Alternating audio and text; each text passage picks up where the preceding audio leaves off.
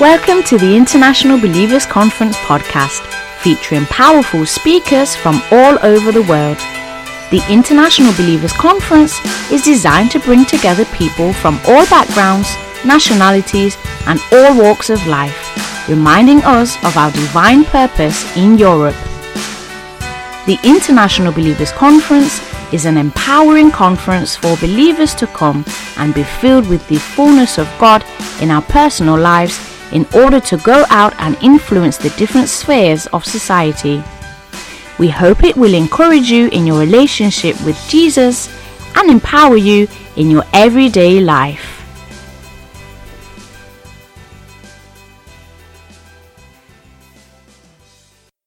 I want to say that worship is the stewardship of glory. Worship is the stewardship of glory. You see, when God created heaven and earth, He gave everything glory. Bible says the sun has a glory, the moon does have a glory, the trees, the animals, everything is a steward of God's glory. God cannot help Himself but impart glory through creation. He could not, He does not. God is not misery. And so it is part of His nature that somehow in creation, by the very act of saying, Let us make man, that is an impartation or creation process. That man becomes a steward of God's glory as much as creation is, and then God watches to see what we do with the glory. He watches us to see. So when we say we give you all, we are being stewards, faithful stewards of the glory of God. Lift up your hands and give Him. We give you all, all the glory. The glory. We worship you. We worship you. You are.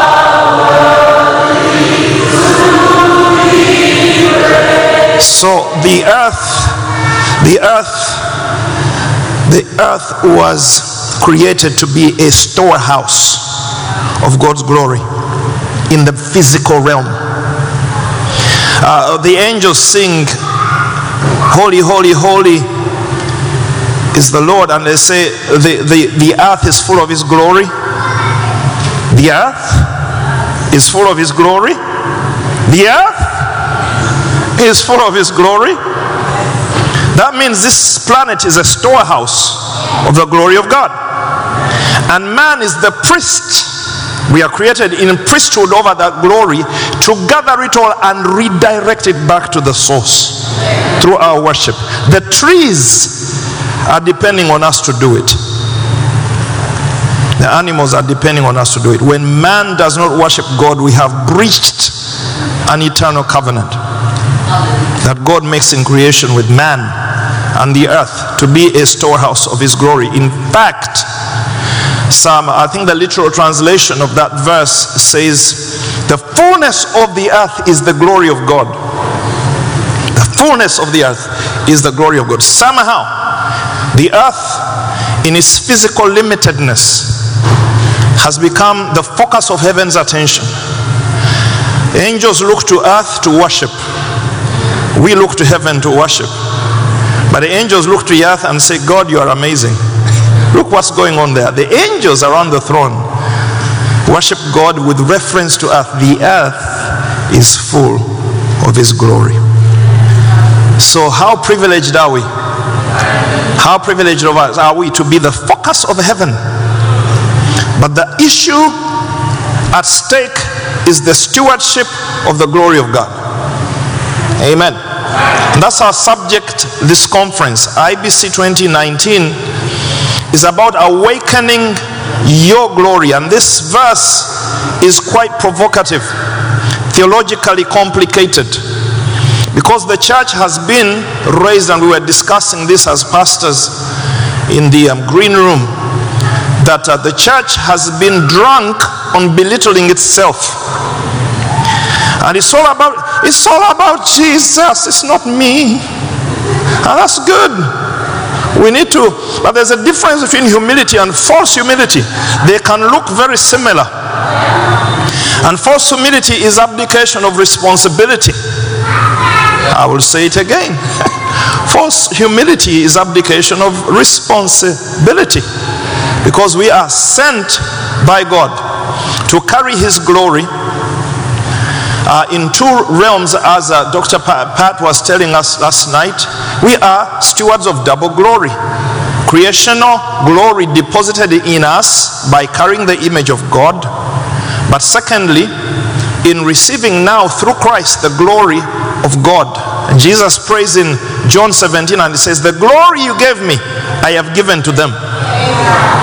So I want you to announce your na- to your neighbor, you have the glory of Jesus in you. It was not downgraded, it was not watered down, it was not diluted, it was literally passed on to you. Yeah, so tell your other neighbor you have no excuse. You carry the very glory of Christ in you.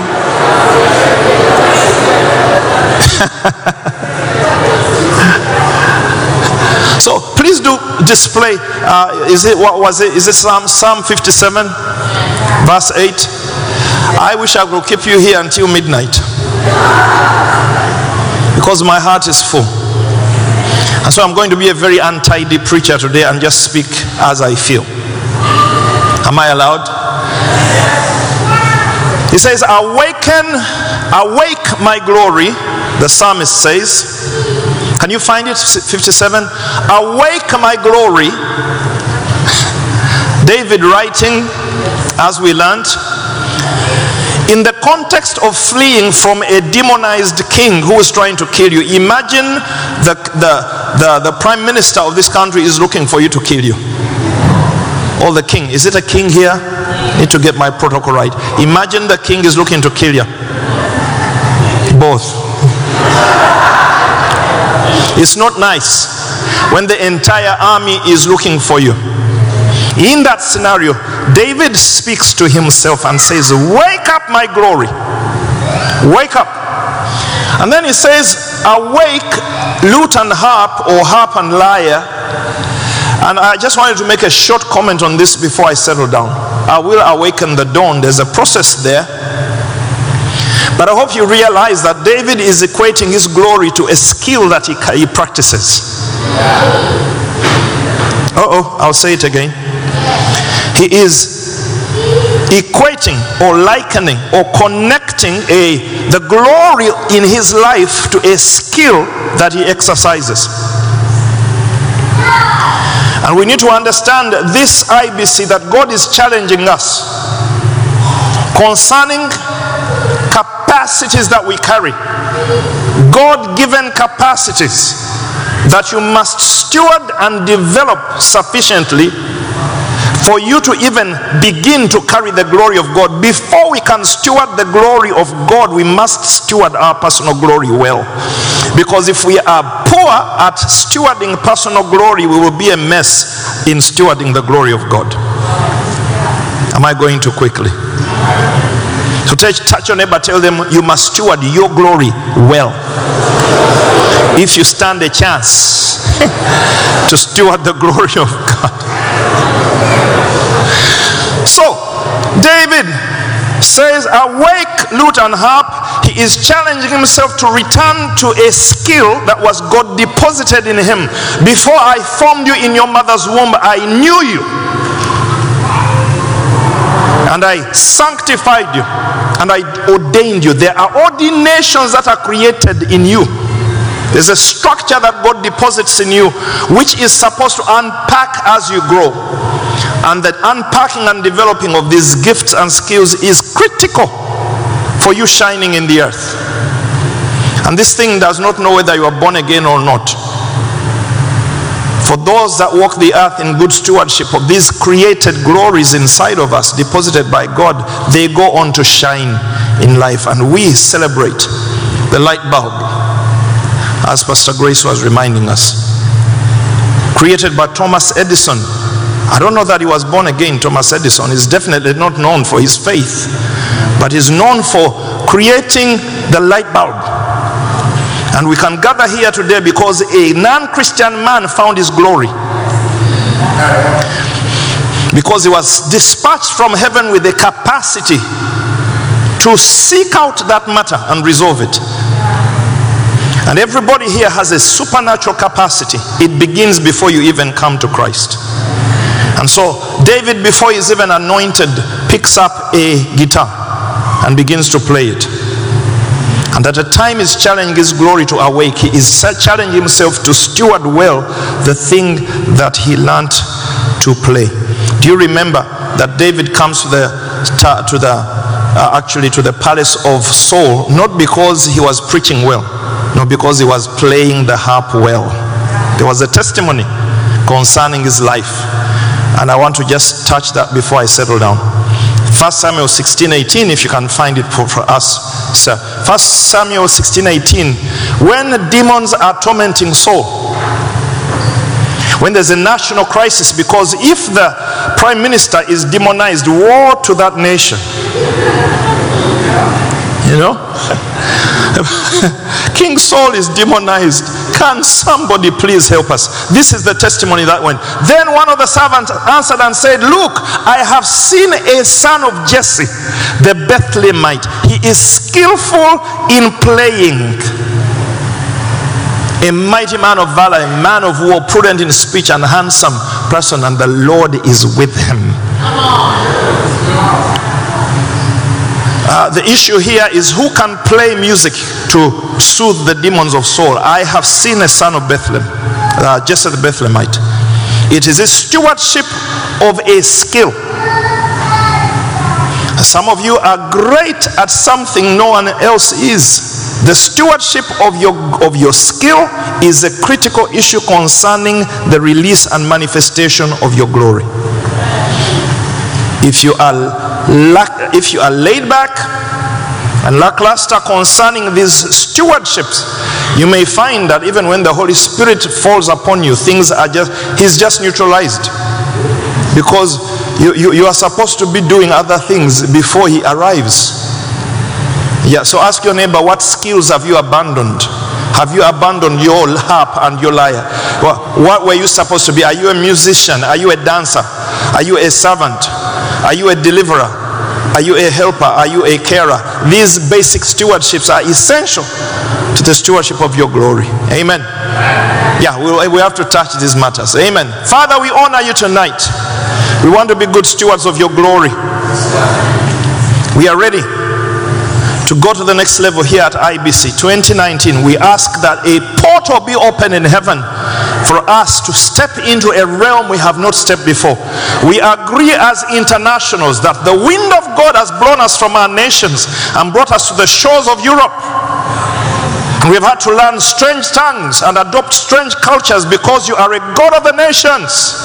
And in these times, you have ordained that the nations crisscross boundaries and become stewards of one another. We come back to Europe where you sent forth missionaries sailing on rough seas to bring the gospel to the so called dark continent of Africa. And today we bring back the light of the glorious gospel of Christ to the shores of Europe and claim, Lord, that we will play our part in building a tidal wave of visitation and revival in these nations.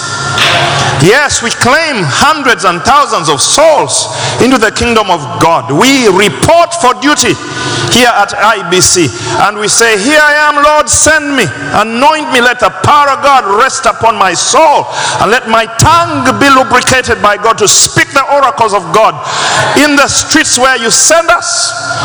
Cause us, Lord, to beget these nations afresh in your presence. We pray for United Kingdom. We pray for Sweden. We pray for every other European nation in these times of storm in Europe where boundaries are being disputed. We ask that a covenant that predates the boundaries of these European countries will be activated through us, by us, and in us, that your glory may be seen in this end time church. And God's people said, Amen. Amen. Give them a round of applause if you are with me, God's people. Amen. 1988. 1988, my wife and I arrived at Gatwick Airport in, in London, not knowing that we wouldn't be returning home. But a prophetic person had come to my university room just before graduation and spoke to me and said, God will take you out of this country to another land and raise you up there in leadership for the purposes that He has for awakening and revival in the nation that He will take you. So I think it was just a few months after that that we landed in Gatwick. And we've been leading a church there for 28 years. And we are waiting for what God wants to do. I want to thank God for Pastor Wilberforce and the church here at City Church. Thank God for the heritage of this building the stories of revival that come from this building as a center of revival and awakening here in Sweden. Thank God for Pastor Paul and Therese. Thank you for the openness to the nations. But, guys, we didn't come here to flee persecution. We didn't come here seeking an economic um, boost.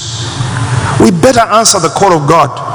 I am concerned as an African landing on the shores of Britain that I should just become an economic migrant when I'm supposed to have been deployed by God to change the spiritual atmosphere over the nation of Britain.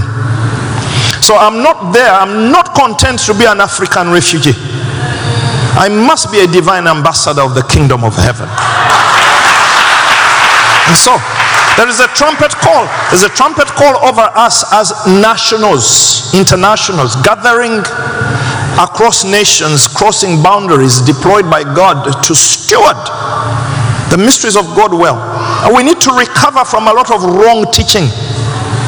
And as an African man, I'm concerned about African doctrine failing to cross and impact the nations where we are sent. Because some of our doctrine is so warped it cannot be of impact to the European setting. Yes, I've just dropped it right there. Some, some African theology needs to be completely extinguished and the books burnt. We need to wake our spirit up and return to the Savior with a completely new mind. So, God, help me preach tonight. I want to speak on things that we've been carrying Pastor Wilberforce for over four years now. We're going deeper and deeper in them.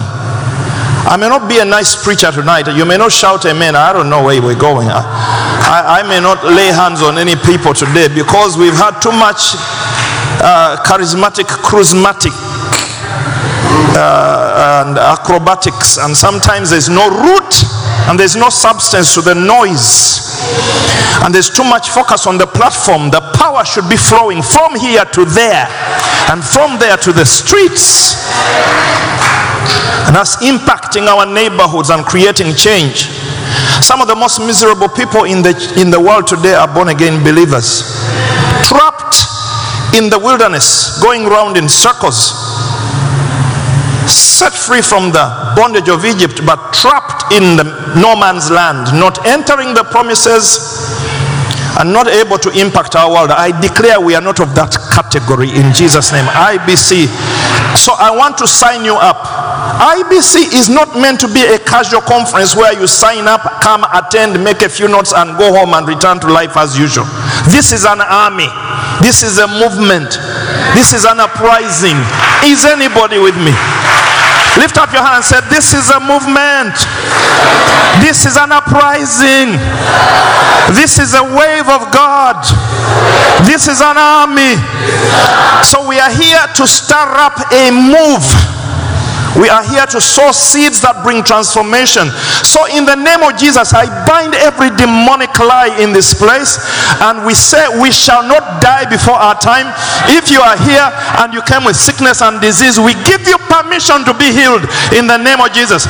You cannot be on a sick bed when we need you, standing up and carrying the glory of God into your neighborhood in the name of Jesus. If you came here and you are sick in your body, stand to your feet right now before I even preach. I, I feel rebellious right there. Stand to your feet and claim your healing in the name of Jesus. Lift up those hands. I speak to your body from the crown of your head to the soles of your feet. This is not the time. This is not the time for us to die in a land that we have been sent to be a light.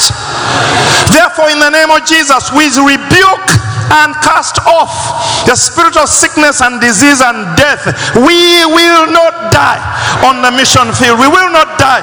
We are ready to do God's work in the name of Jesus. We arise as God's people and we speak against cancer. We speak against diabetes. We speak against heart diseases. We speak against blood diseases. We speak against demonic yokes. We contend for your family, contend for your finances, contend for your healing, contend for your well being. We are God's people. He has no other people. We are His people, redeemed by the blood of Jesus. In the name of Jesus, we agree together. We are not going to die before our time.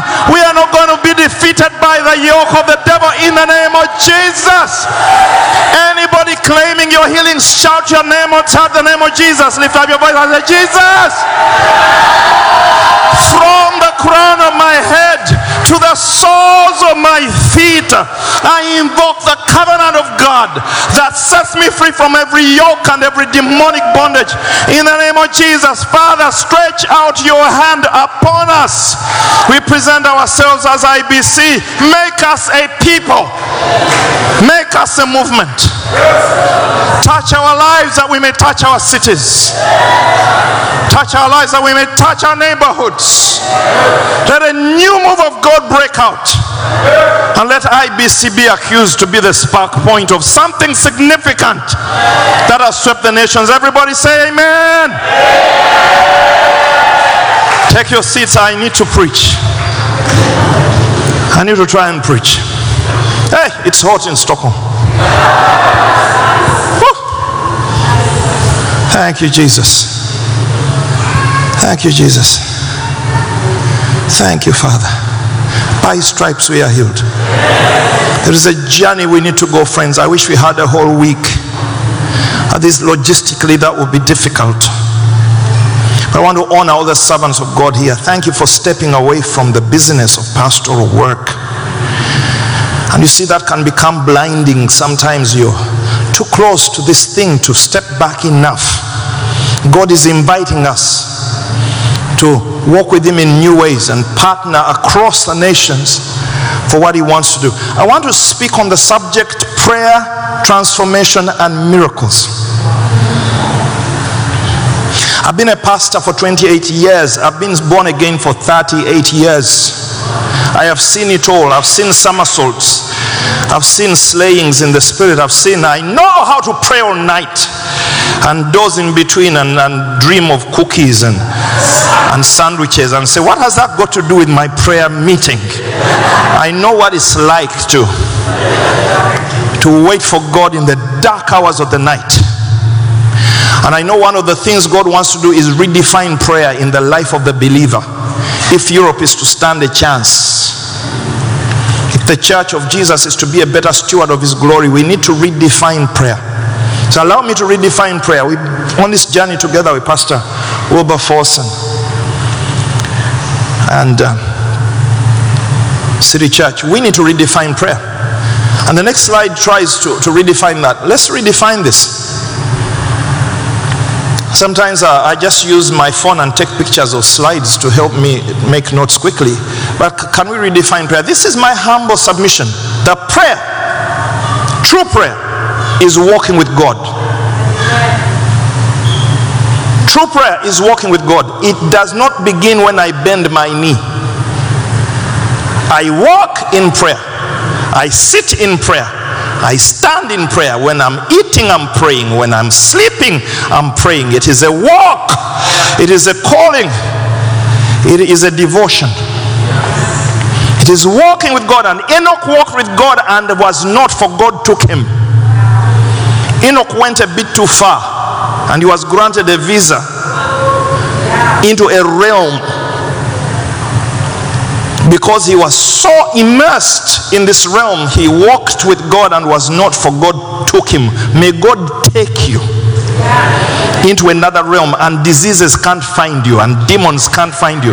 May God take us all and catch us up all into a realm that will transform our cities.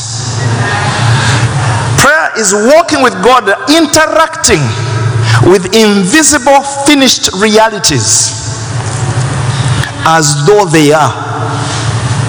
Hmm? Until they manifest in the material realm. Did you hear that? One of my passions as a pastor is 100% answered prayer because I see it in the Bible as a promise. Jesus said, Whatsoever you ask, you shall have. And I'm thinking that's what I'm targeting, that's where I'm going. 100% answered prayer. But what is prayer? Prayer is a stewardship as well. And true prayer is walking with God, interacting while you're walking with Him. You're interacting with Him concerning finished, invisible realities as though they are here. It's a realm you learn to stop to step into. As though they are here until they manifest. Amen. Say amen if you get if you understand this statement. Every one of us here has an assignment to learn to step into and walk in a realm that is invisible and to become acclimatized to touching and interacting with invisible realities as though they are. For you to be so captivated by that realm that this one melts away. For us to be so impregnated by realities that start in God and are incubated in our spirits for manifestation in time and space.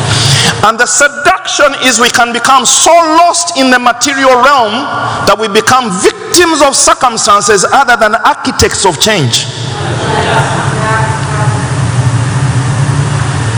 And God help me. 2019, I don't want to preach nice sermons here tonight. I don't want to preach nice sermons.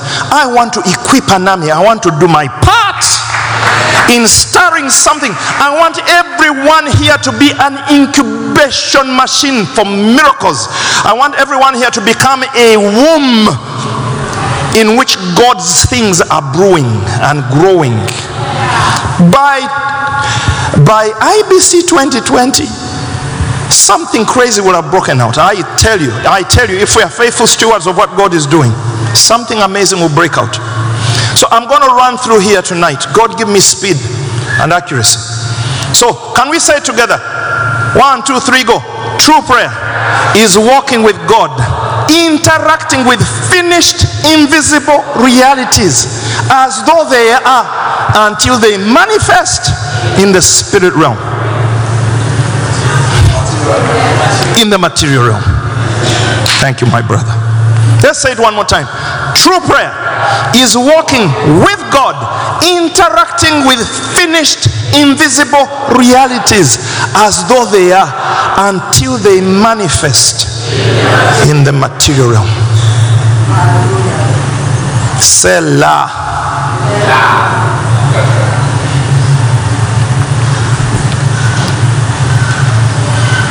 Romans 4:17 says God raises the dead and calls things that are not as though they are. This is him. Even God has to deal with things this way. He interacts with things that are not as though they are. And if we are made in his image and likeness, that means he has called us into the ministry of incubating impos- possibilities in the realm that is invisible. He has called us to partner with Him in turning possible things in the invisible realm into manifestations in this realm. Hallelujah. Your healing is a reality. Your financial breakthrough is a reality. The healing of our nations is a reality, but it is in the spirit realm. It is finished, it is accomplished, it's a done deal. God is not trapped in time. God cannot be contained in the processes of men. He does not wait for dawn and dusk. God is bigger than time and space, is timeless, He is eternal. So He has finished all things. And we need to understand that we are working with someone outside time. Concerning City Church, it is finished. Concerning Liberty Christian Fellowship, it is finished. Concerning Dorothy, it is finished. Concerning Linda, it is finished. Concerning Charles, God has entered his rest concerning you. Because it does not need January or February to unpack your life. Before I formed you in the womb, I knew you. I sanctified you. Tell your neighbor your sanctification was finished before your manifestation. Eh? so, when you're trying to get rid of a sin, please understand you are fighting it in the time realm, but in the timeless realm, you are squeaky clean. God finished the reality. Eh? Yeah, he says uh, to Jeremiah, You are too late to make excuses. You are too late to explain to me your infirmities and how young you are. This thing is a done deal. I finished you before I put you in your mother's womb. One, I studied you. I got a PhD in who you are. I studied your genetics. I studied your eyes. I studied your temperament. I know you from back to front and inside out. I know you. I don't need to be informed concerning who you are and concerning your genetics. I knew you before I put you in the womb, and then I sanctified you because I knew you could get messed up, and then I ordained you so that your path is straight. Please understand the devil is too late. Somebody shout, The devil is too late concerning my life. It's too late. And the Bible says, In his book were written all the days ordained for me. God made sure it commits it to ink and paper as if he needs journals to remember. He doesn't. But just in case somebody wants to read, he committed it to ink and paper. And I'm talking heavenly ink. Lift up your hand and say, I am a finished product. Come on, you are a finished product. And that product does not include cancer. God has no provision for cancer. In his journals, it does not exist. Therefore, tonight again, I rebuke the spirit of cancer. I rebuke death. I rebuke destruction in the name of Jesus. It is not in my journals of heaven that I should die of cancer. In his book were written all the days ordained for me. Somebody wet this for me. Who's going to wet this for me? Where's my man? Make it wet.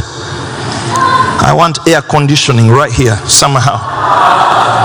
When I have a wet towel, I feel better.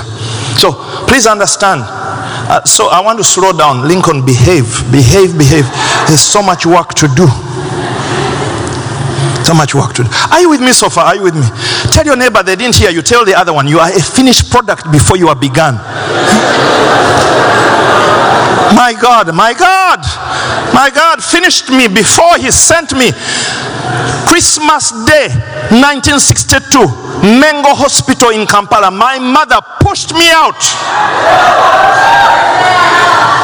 And I landed, eh, eh, eh, cut his umbilical cord. And I look like a biological accident that just happened in some African miserable hospital. But I am not an accident. I am architectured in heaven and delivered through Africa to impact the nations of the world. Hey, anybody like me? By the way, don't curse your country. It just did its part to receive you. You are meant to be multinational. If you become local, you are you are fired in Jesus' name. Don't become local. Make it wetter. Lift up your hand and say, In Jesus' name, I may be born in my country, but I am destined for nations. Destined for nations. Destined for nations. With a purpose and a plan. No weapon fashioned against you is going to be able to prosper. Come on, God's people. We need to put on the glory. We need to unlock the glory. God first finishes, then he starts. Otherwise, he's a bad architect. This building was finished before a brick was put down. Any architects in the house? It is a law of creation. You are not allowed to start on anything before you finish it. This podium was first finished, then it was begun. This building was first drawn, it was conceived. Its purpose was clear, its destiny was designed. Then papers were submitted to the municipal. Please allow us to construct it because it is finished. Even earthly constructions have to be finished before they are begun. Do you think God is playing Russian roulette with you?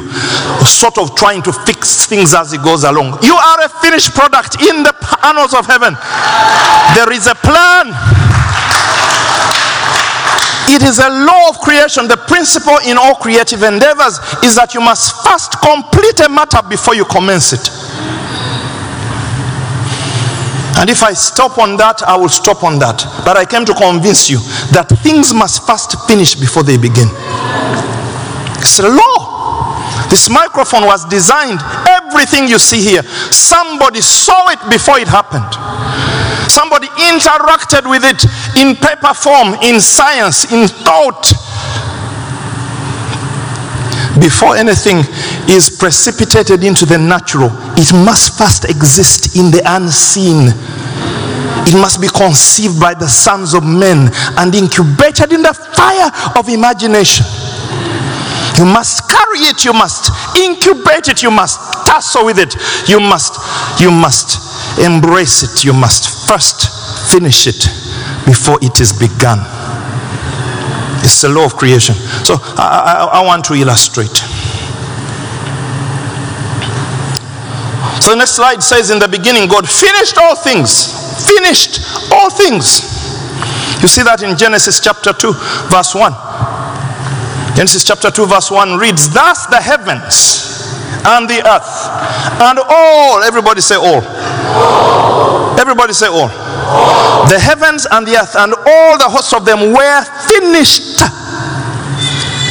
And on the seventh day, God ended his work which he had begun, and he rested on the seventh day from all. Everybody say all. All his work which he had done. And God blessed the seventh day and sanctified it. God finished all things at the beginning. I believe history is merely the unpacking of finished realities. God finished all things and entered his rest. And the Bible says, Now there remains a place of rest for the people of God. There remains a place of rest for the people of God. What is the place of rest? The rest of finished realities. And this is something I've preached here at IBC 10,000 times. I'm being ventilated. Thank you, sir. Thank you, sir. Amen. God finished all things. The Sabbath is a divine public holiday. Like we just celebrated Sweden. Sweden's what? the Sabbath is a spiritual public holiday to celebrate finished realities. And God says a man shall labor six days, and on the seventh he must celebrate. And I'm not talking about a legalistic religious observation of Sabbath. Not even going to say this particular day or the other. People may differ on, on the theology of that. But please understand the first full day, the first full day that Adam enjoyed was a Sabbath. Created on the sixth day. On the seventh day, he wakes up saying, uh-huh, God, what are we going to do? God tell him we're going to rest. Tell your neighbor you're going to rest. Rest. The rest of Sabbath the rest of finished realities until a believer wakes up to the reality that all things are finished. You will walk a Christian life which is full of strife, fighting people, fighting yourself. When God says it is finished, Genesis chapter 2, verse 1, God declares it is finished. Then we go to John as Jesus is dying, he declares it is finished again. It is double finished. The realities of my life have been architectured by God, and I must learn to find them and walk in them. It is God's glory to hide my destiny, it is my glory to seek it out. And every reality that I find takes me to the next level. I told you, like David, 1980, 84. 1984. I picked up a guitar. Guitar, just like David, the harp. Can you guys still see me? You should be able to see me. Can't you see the glory shining?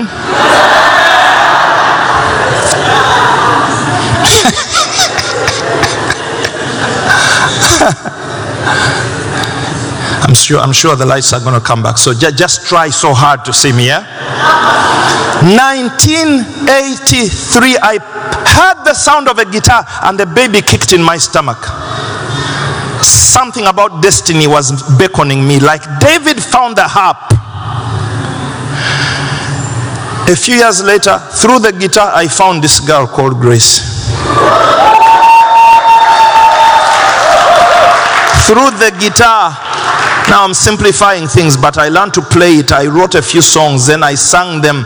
Then she saw me singing them and thought, yeah, yeah, yeah, yeah, yeah, yeah, yeah. Anyway, that is me massaging the story a bit. But let me tell you, it is because of the guitar that we were invited to London. And it's because of the guitar I stood on a stage and sang and introduced a song. And the pastor said, He's a preacher, give him a scholarship change his visitor visa to missionary visa. Pay him a salary. The harp.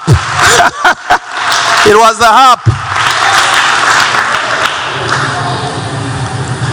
That's how it works. And so my glory includes my capacity to worship and to create melody. If I defy that, if I spit on that, I have missed my glory. Amen. Some of us are trying to find our wives, but the truth is, you can't find your wife until you find you. Uh oh. Mm-hmm. Mm-hmm. The, by the way, the same happens for the husband. I mean, if he's your husband and you haven't found yourself, you will send him away, but he is your husband. He doesn't have a car yet, but he's your husband. He dresses weird, but he's your husband. Find you, you will find your stuff. If you can't find you, everything will hide from you. Amen. God entered his rest and is waiting for us. There remains therefore a place of rest for the children of God, the book of Hebrews says. You are ordained to enter this place of rest where you know that you know that you know that you know it is finished. But the point is this it is finished. God finishes, then it begins. It's a rule, it's a law. And let me tell you, friends, until something is resolved as finished, it cannot begin to process its manifestation. And so I wanted to illustrate in a simple, simple, colorful way, a graphic way, how the artistic world, the world of creation, works. Everything is fast finished. And um, I mean, technology as we know it, and the things that we are enjoying, everything is fast finished. It's a, it's a rule. Now, I want you to see this statue. You've heard of David, the statue of David by Michelangelo. Huge statue, 5 meter 17. This is in Italy. I've covered the necessary parts for your, for your modesty.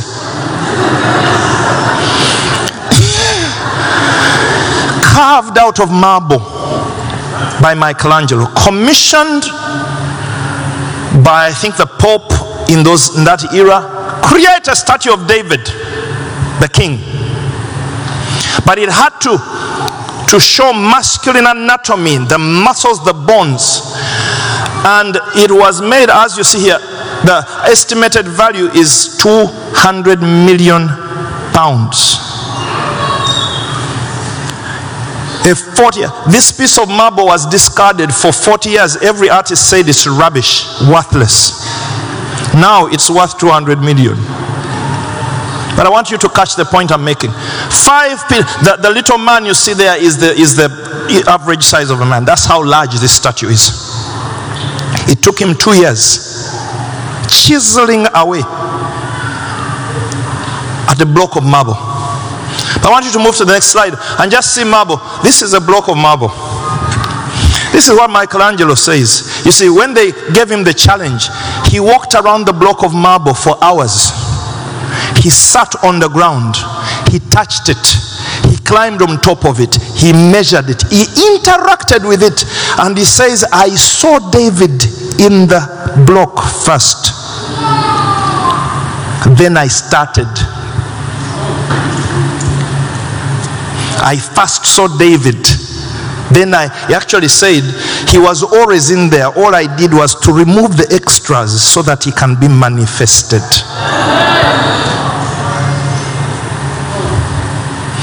It is a it is a it is a, a, a, an important pointer to how life works. You must patrol the mess of your own life, the shapeless valuelessness of your life. You need to look at your own mess, your financial mess, your marital mess, your spiritual mess.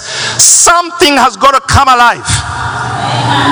You've got to inspect your own life in the presence of God until a vision of a finished reality strikes your heart. Is anybody understanding me today? It's a law. It's a law of creation. In the beginning, God created heaven and earth. Now the earth was shapeless and formless and void. And God looked at the earth and he saw something. Even God obeys the rule. We cannot sign out of it. Some people even argue the whole of chapter 1 is not physical creation, it's God speaking realities in the invisible. Some say. And then in 2, he actually manifests it. I don't know, but I like the idea.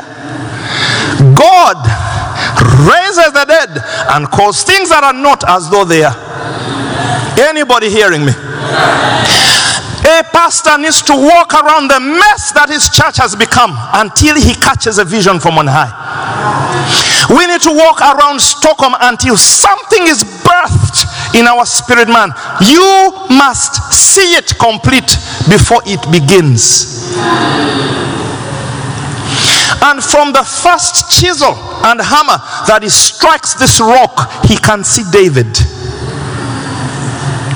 And that's how great works are done. Uh, you, you, you, you may have seen, the next slide shows you the, the um, some of you have uh, perhaps been to Italy, to Rome. This is the Sistine Chapel. It's Michelangelo who painted the roof, the ceiling of this magnificent chapel.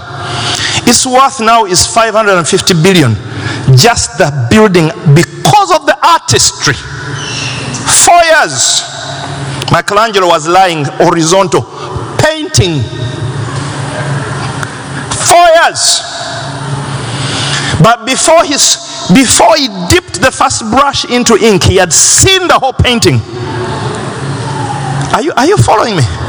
It's a law of creation and art. You must see it before you move one muscle. You must see children coming off the streets. You must see orphanages constructed.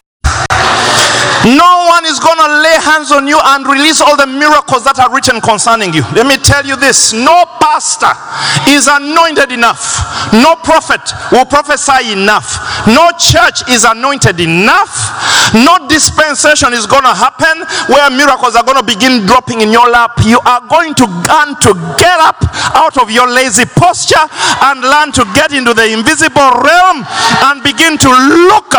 You're going to learn to lift up your eyes and say, God, show me who I am. Show me who I am and what I'm ordained to be. Open these blind eyes that I may see amazing things in your law. Open my eyes through the pages of scripture that I may find out who I really, really, really, really am. No one can do it for you. I thank God for His grace. Because by His grace, 10 to 20% miracles will come through laying on of hands. 10 to 20%. And so you think, you hear, oh, Pastor, Pastor Lincoln touched somebody and they were healed. And you say, gather the whole city that he may heal them. Boom, everything stops. Everything stops. Because God is saying, I'm not creating showmen, I'm creating disciples.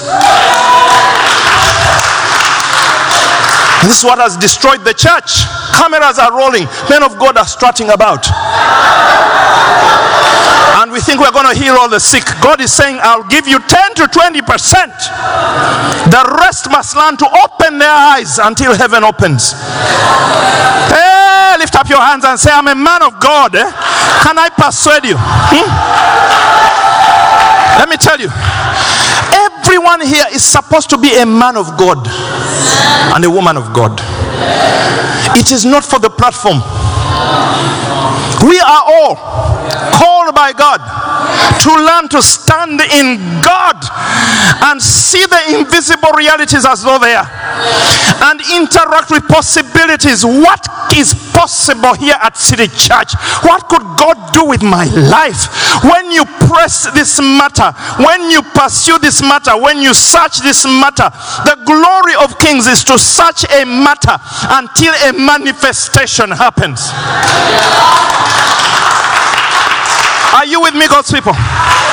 In the midst of the pain and the tears, in the midst of the despair, in the midst of the troubles of your life, you need to get up out of that bed and say, Tonight I'm not to sleep. I'm to sit in the dark until God shines a light into my soul and I see the architect of heaven drawing something in my life.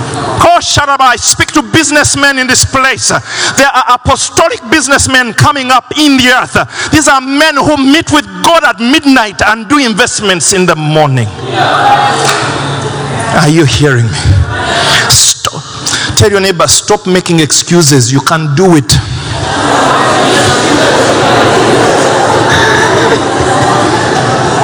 Clap your hands, all you people, if you receive it. Clap your hands, all you people. Great works do not randomly happen.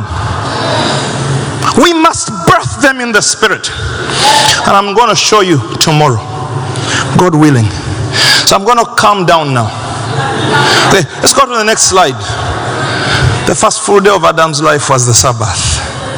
I already said that. Mm-hmm. Next slide. Lift up your hand and say, No depression in my life. Eh? You know, depression and stress are a sign you have forgotten sabbatical realities. So I free you from that spirit in Jesus' name. For your Alpha and Omega is alive. He is going to perfect what concerns your life and He will do what He has decreed regarding. Now, I want to speak about transformation. Everybody say transformation. See, my wife will tell you, my wife's passion is transformation. Sometimes I tell her, honey, why are you not happy? Sometimes she preaches a great sermon, and I'm thinking, baby, you're the best preacher in the world. She says, No, I want to see souls. I want to see change. Sermons are not the point. Where is the change? Where is the transformation in my city? Where is the transformation in the lives of these people? And you see, I thought transformation happens by sermons. It does not, pastors. I am sorry. Thank you for being an amazing preacher. Your sermons change nobody. Even this one won't change you. Uh oh, I'm sorry. But this sermon, you will forget it in 24 hours. According to psychologists, you forget 80% of what you have had in 24 hours. So I am so humbled. Let me sweat here. Let me give God a sweat offering. But I am under no delusion. But you guys are going to go away and even forgot I preached. Somebody asked ask you, what did Pastor Lincoln preach? Um, it was nice.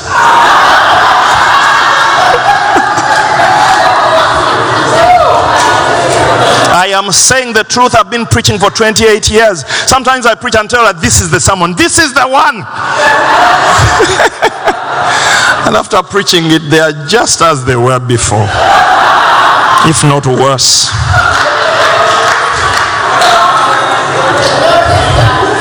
Prayer, transformation, and miracles. How much time do I have? Oh my gosh. I should be closing. So let me say, let me behave and finish this sermon.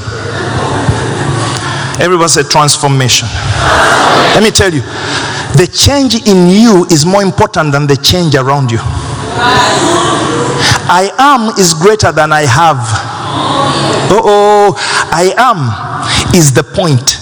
Because when I am, I will have. But when I have before I am, it is a temporary boost because what I am not, I cannot possess. So if I am not healed here in my spirit, I may get rid of symptoms of a disease, but another one is coming. Until I walk into the I am of by stripes I am healed, the transformation inoculates me against powers of darkness that bring sickness. I am is a bigger miracle than I have. That's why tonight I'm not laying hands on nobody because I can impart healing to you, but it's important that you become healed, that the river of healing begins to flow through your life. Somebody can give you a million pounds tomorrow, it will create depression and misery, and a battle between you and your wife, which is of gargantuan proportions because here you are as broke as a church mouse, but your bank account testifies of millions. If the I am is not equal to the I have, you are wasting your time. When God asked, when Moses asked God, Who shall I say to the children of Israel? You are, he said, Tell them I am. Not I have. I have their healing, I have their money, but I am. Everything flows from I am. Somebody declare, I am healed. I am strong. I am an overcomer. I am more than a conqueror. Uh, but are you? You may have quoted the scriptures, but you, you need to understand God wants these truths to percolate and pierce and install into your subconscious until your toenails are rich, until your hair is healed. Are you hearing?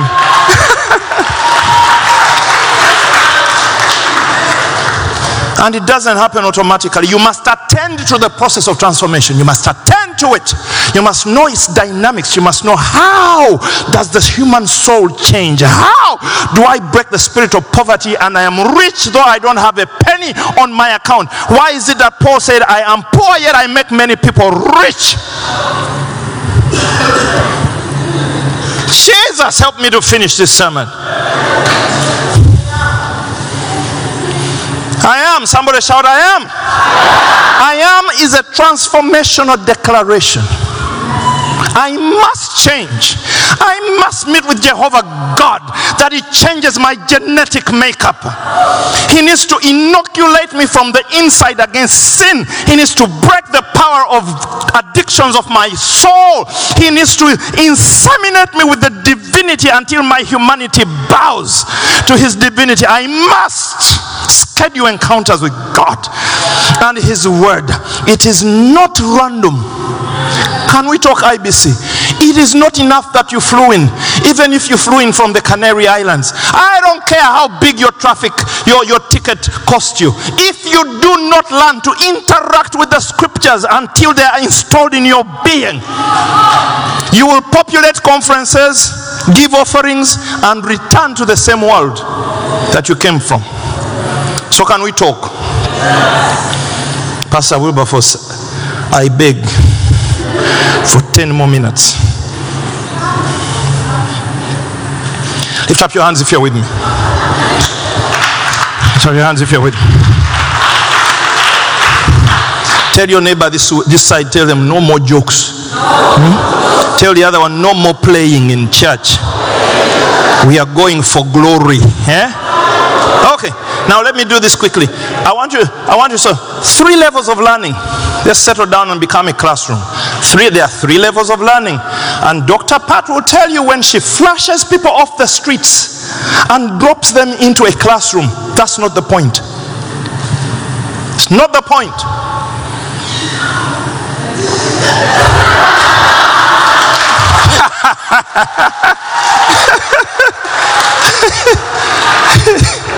says, I need more ventilation. Look, Three levels, there are three levels of learning. Number one is information. Information changes nobody. It will add to your diary, your notebook. You will make notes, you will shout hallelujah. Information does not cause transformation, but it's good. It's good to gather information. Next is impartation. Impartation is when somebody who's walking the life sits with me and tells me the very stuff I read and I understand it better than before because it is coming out of a life. And there are ways they dot I's and cross T's I can never find in a book. If God was to allow us to work by impartation, by information, and we would delete people in our lives, God wants you to learn a matter and then learn it again through somebody. Sitting, looking them in the eye, connecting heart to heart. Impartation. Yeah? I'm explaining in a moment. Finally, we have immersion. This is psychology. I'm not even saying this is me bringing a huge revelation. No, this is just stuff you read in a book. Information, everybody say information. Impartation, immersion. Now, some of you are just drinking information in because there are people who are so terrible at learning that even in a sermon they sit and delete the impartational exchange. Because because I'm speaking to you, there's impartational dynamics going on here, coming out of my spirit into your spirit if you can log into that channel. And some people sit through sermons and just take notes. Every sermon I hear, I am drinking the preacher as well. I want your information and I want your spirit. And I pursue you, I hunger for you. When I'm watching a preacher, when they bend, I feel like I'm bending. Because I'm so hungry to be fed. I want something to come out of your life and touch my being. That is hunger. Well, you know, it doesn't happen until you go to immersion. Immersion. Tomorrow I'll go more into immersion. But you see, you must give yourself to a truth. You must surrender to it. You must be baptized in it for transformation to happen. I want to illustrate. Most Christian learning stops at information. And starting right here with Pastor Lincoln, I know how to sit through stuff, read books, and say, Wow, that book I finished, that book I finished. Where is it in your life? Uh, I'm not sure. It's coming. Most Christians stop at information. That's where we get frustrated pastors preaching sermons that not transform people unless they're immersive by nature. And I want to illustrate. I want to use the illustration of learning a language. You read French. Okay, let's say that. For a truth to be absorbed into your being, you need to interact and immerse yourself in it for a minimum of 24 to 72 hours. Take a picture of that. So, after you've had me here, you need to go and mingle with what I've said for 24 to 72 hours. The Bible calls it meditation. God tells Joshua, this book of the law, which is the work of Moses, the work and life of Moses, shall not depart out of your mouth. You must mutter it and think it and immerse into it and interact with it day and night. Day and night. Then you will have good success. But before that, he had told him, I will be with you as I was with Moses. Be strong and of good courage. But he's telling him, I'm with you However courageous you are, you are going to be fruitless until you learn to interact with truths in extended ways. Until they're installed into your subconscious. I'm finishing. Everybody touch your head. Your brain does not cannot handle what you've heard tonight. It cannot. It is overwhelmed. Scientists show you your brain is working like crazy. It cannot handle the volume of information that you hear. Unless you return to a matter, it will delete it and send it to the recycle bin. Because it says, unless this person returns to this principle and this truth and visualizes it as if it has happened and install it into their being and rehearse it day and night into their heart, I will delete it because it means it wasn't important. God is telling Joshua, You are not going to succeed if you rely on presence I am going to be with you like Moses. It's not enough. Tell your neighbor, anointing is not enough for transformation. You must interact with truth at a massive level. Imagine. I can't go too deep. Illustrate. French. How many here speak French? One, two, three, four. I tried to speak French at information level, it failed. It's not enough. You need to read French, then talk to somebody who speaks French. Finally, go to France and be immersed in French culture. Now you'll be a master of the language. It's a general uh, illustration. Another quick illustration driving. How many people drive a car? How many people don't drive a car? How many people are committed never to drive a car? Because you are totally terrified. Simple. You can read all books about driving, they will not give you a license. That's information.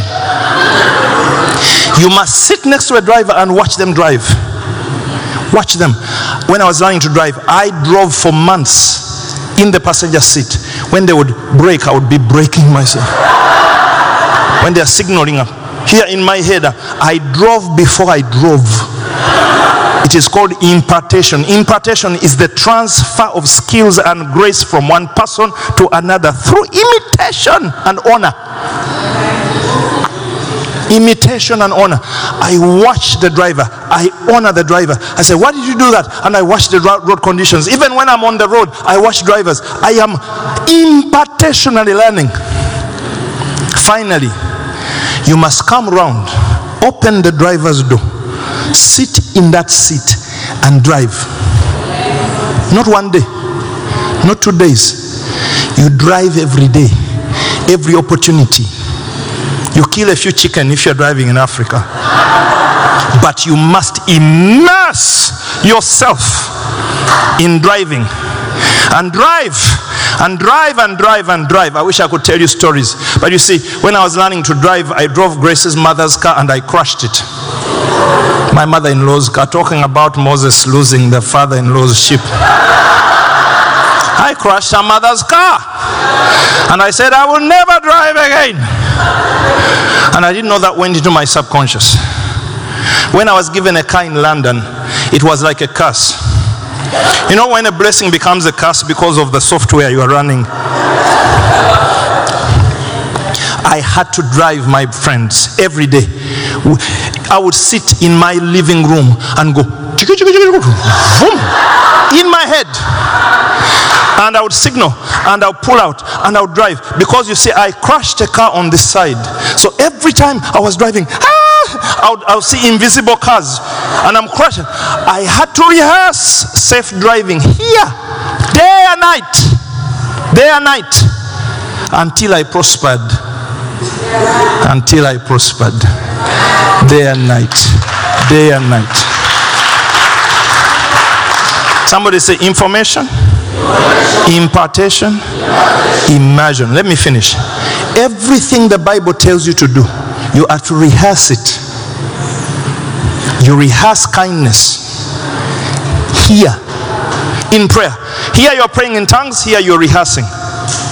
And that's the difference between Pentecostal prayer gone crazy, where we just pray hours, but nothing's going on in the brain and you live more violent than when you came after three hours of prayer because you saw nothing while you were praying.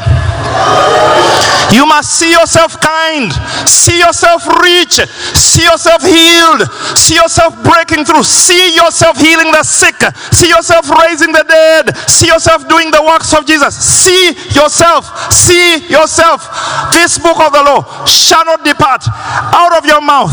You shall see it, feel it, touch it, interact with it. See yourself, see yourself, see yourself, see yourself, see yourself until it breaks through into the subconscious man. Ah, now when I'm driving my stick shift car, here I'm listening to Bethel music and I'm having a conversation with somebody. Then I see a friend and say, Hi, I hear I'm changing gears because it's all now installed in my subconscious. Huh?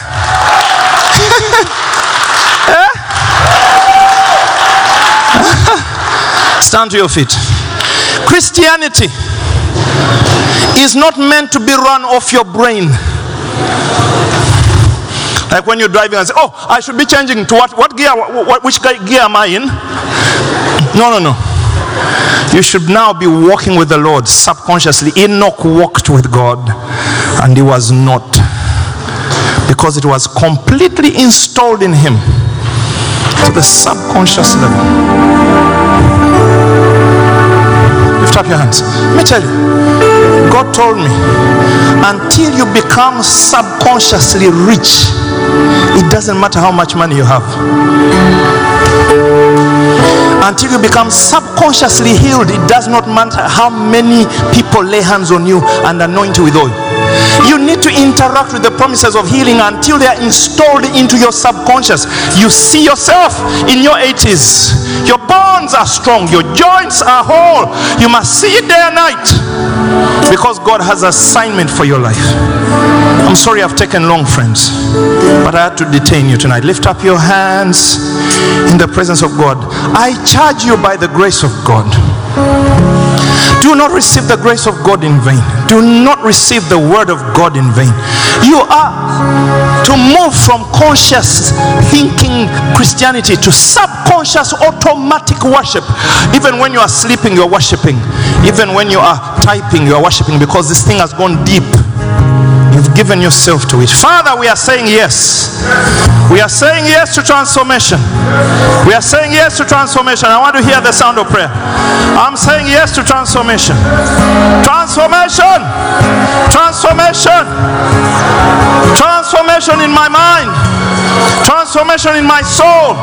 Transformation in my spirit. In the name of Jesus. We are going deeper. We are going higher. Never the same. Never the same. Never the same. Clap your hands, all you people, and give God this praise. Thank you for listening to the International Believers Conference podcast. Be sure to join us next time and visit our page at www.cks.se